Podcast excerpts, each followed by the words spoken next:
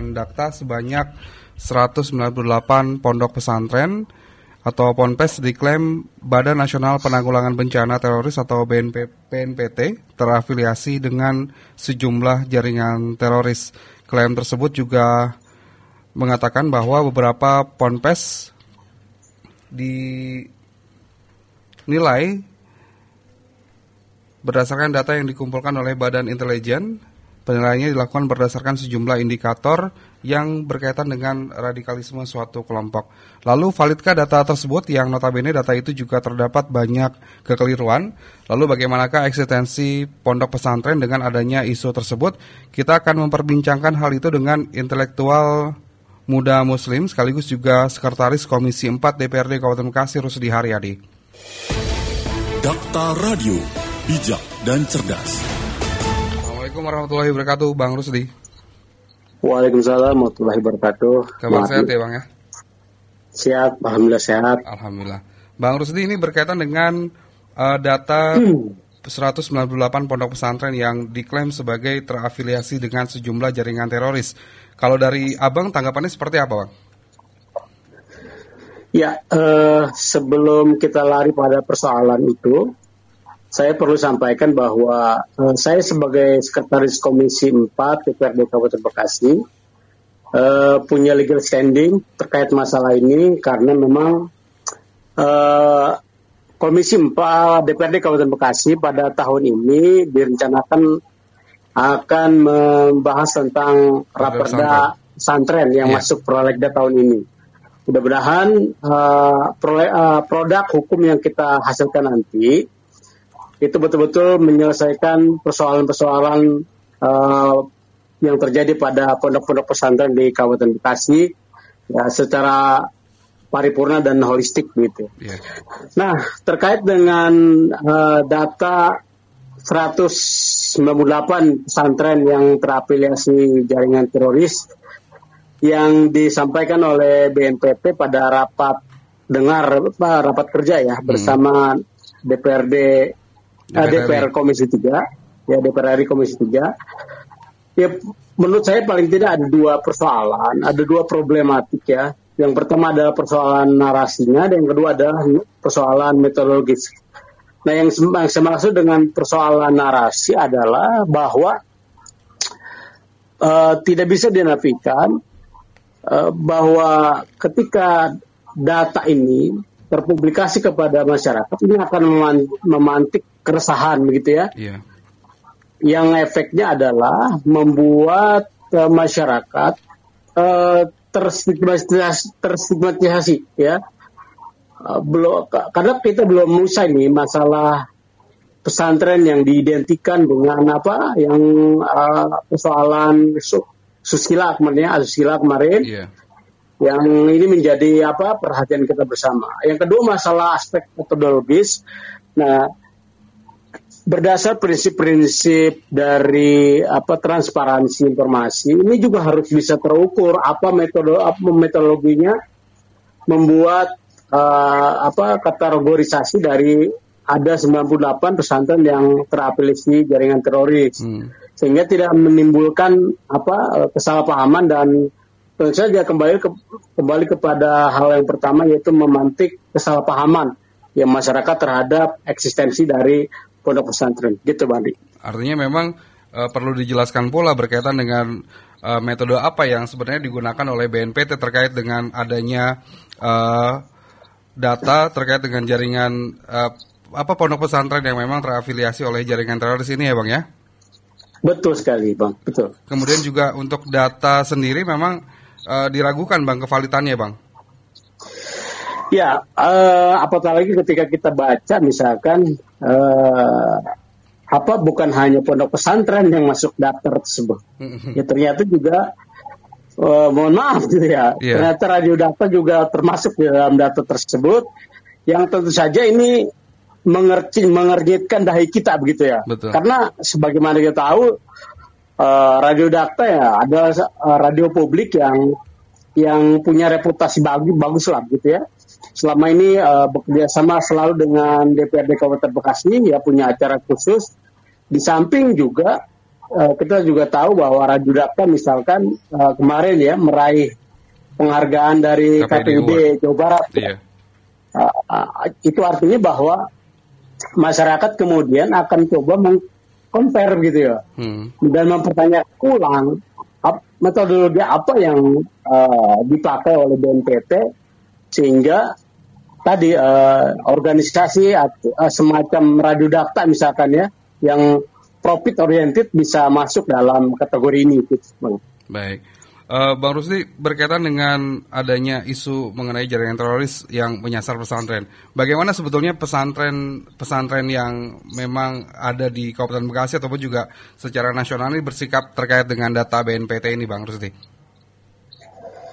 Ya, saya pikir uh, seperti halnya misalkan uh, Majelis Ulama Indonesia yang juga uh, sudah menyampaikan uh, apa namanya uh, tanggapannya begitu ya. Hmm. Juga mereka mempertanyakan metodologi apa yang digunakan oleh BNPT terkait rilis data data-data pesantren yang terafiliasi teroris.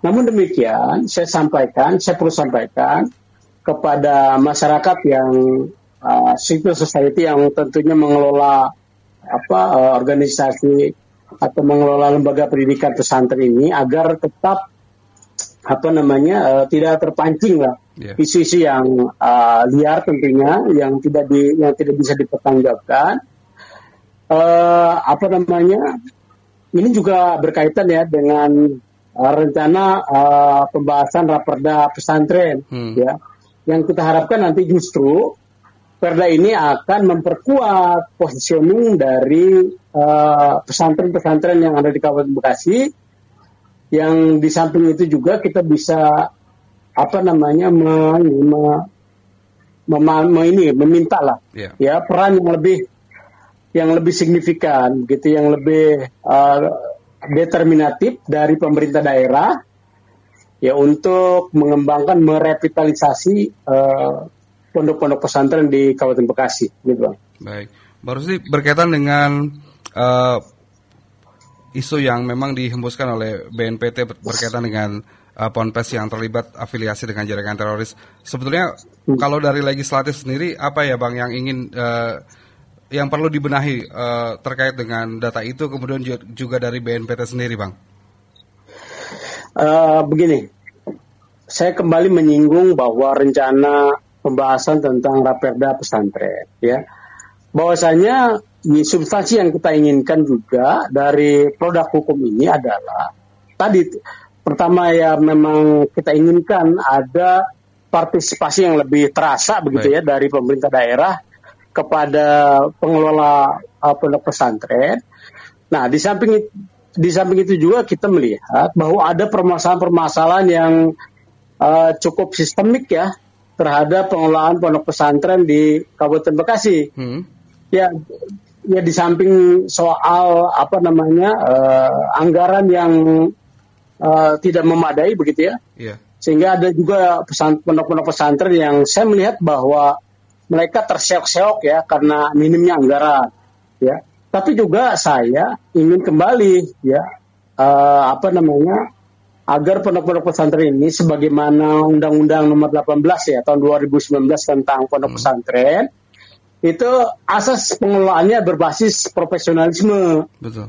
Ya, nah, nah ini relevansinya dengan data yang dirilis oleh BNPT tadi adalah bagaimana ya pondok-pondok pesantren ini memberikan uh, jaminan kualitas lulusan begitu ya. Yeah baik terhadap uh, bagaimana dia bisa diterima oleh pasar kerja begitu ya sebagaimana ini saya sampaikan pada saat uh, apa namanya rapat bersama konsultan ya yang membeli yang uh, menderap ini uh, menderap perda ini ya supaya juga apa namanya uh, tidak tersigma gitu loh betul pesantren ini sebagai ya lembaga pendidikan yang yang kolot, jumud begitu hmm. ya.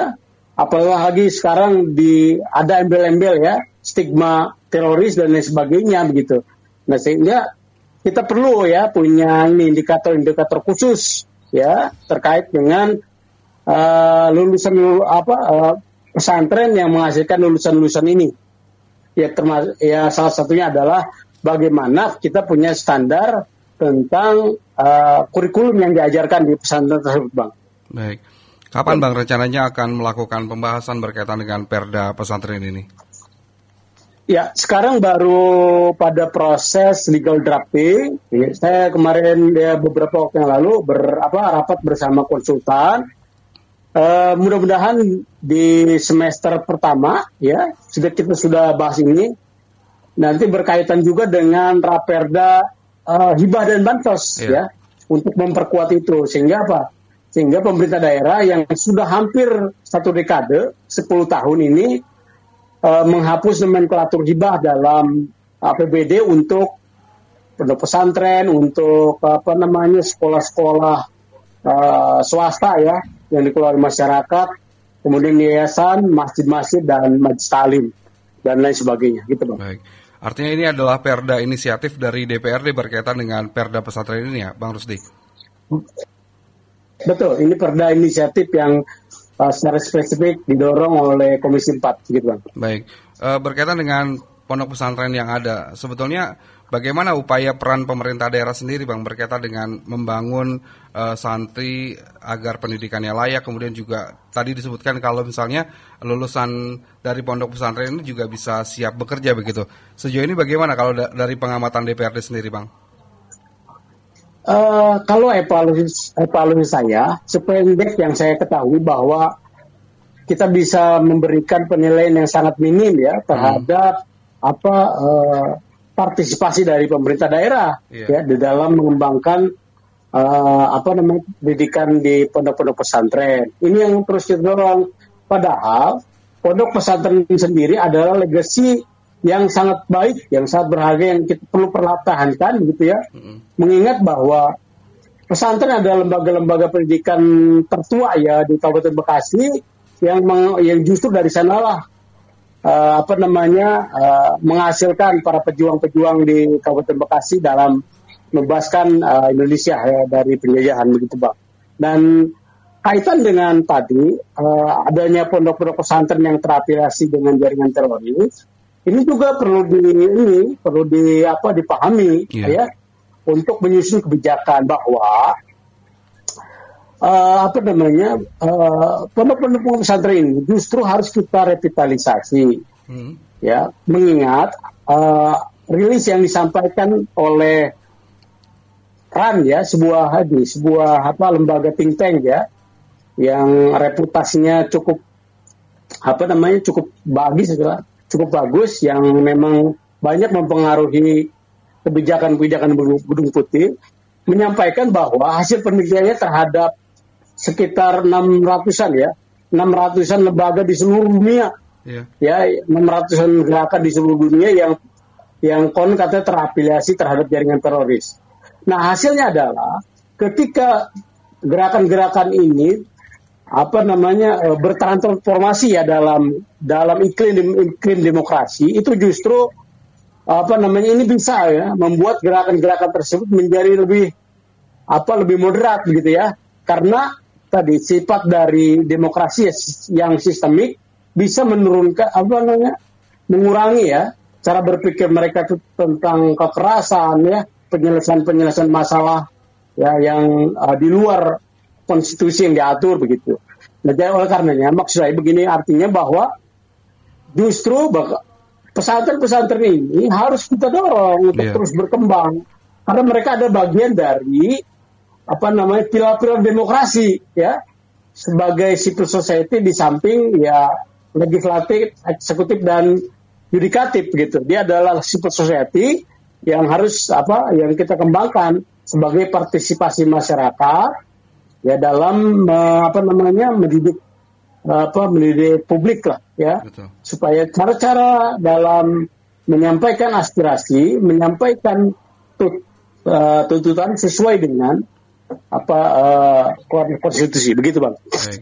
Nanti juga akan uh, mengundang perwakilan dari pesantren dan juga stakeholder terkait ya bang ya berkaitan dengan pasti. rencana Perda ini bang. Pasti pasti kita akan undang ya stakeholder, leading sektor dalam persoalan ini, hmm. baik asosiasi-asosiasi uh, apa pesantren, kemudian pendidikan-pendidikan swasta, kemudian lembaga-lembaga atau yayasan-yayasan, TPA, TPQ, ya untuk memberikan masukan untuk memperkaya substansi dari perda kita sehingga tadi uh, secara apa uh, sistemik uh, perda ini bisa menyelesaikan persoalan-persoalan di Kabupaten Bekasi terkait dengan pendidikan keislaman, begitu. Baik, Bang Rusdi terakhir mungkin apa yang ingin disampaikan kepada masyarakat berkaitan dengan uh, data dari BNPT dan juga nih uh, berkaitan dengan rencana penerbitan Perda pesantren dari DPRD Kabupaten Bekasi. Iya, yang saya ingin sampaikan adalah tadi pertama kita uh, tetap menjaga kondusivitas, begitu ya uh, kondusivitas masyarakat sehingga ruang publik ini bisa apa namanya bisa terkelola dengan baik ya. Mengingat kegaduhan demi kegaduhan terus terjadi di negeri kita hmm. ya. Uh, apa namanya uh, baru-baru ini soal apa soal buang anak begitu dan lain sebagainya lah.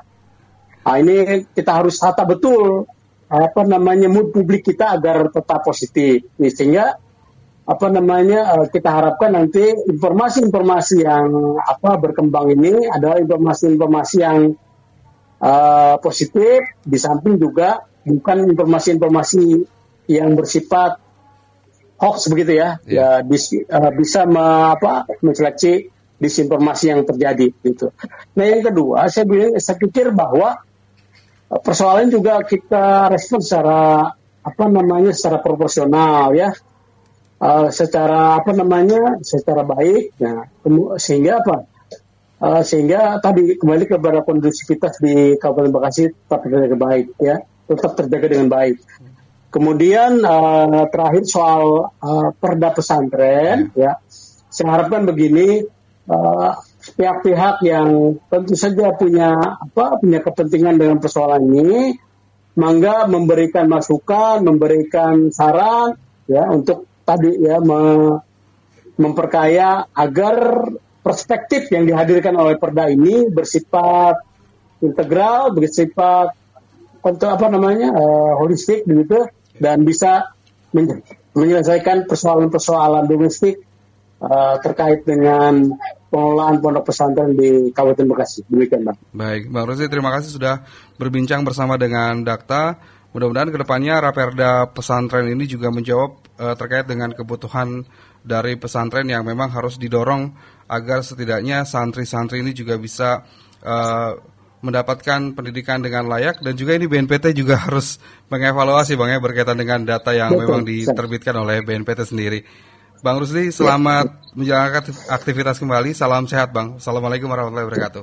Waalaikumsalam warahmatullahi wabarakatuh. Dakta Radio, bijak dan cerdas. Rekan Dakta itu tadi perbincangan kami bersama dengan intelektual muda muslim sekaligus juga sekretaris Komisi 4 DPRD Kabupaten Bekasi Rusdi Haryadi.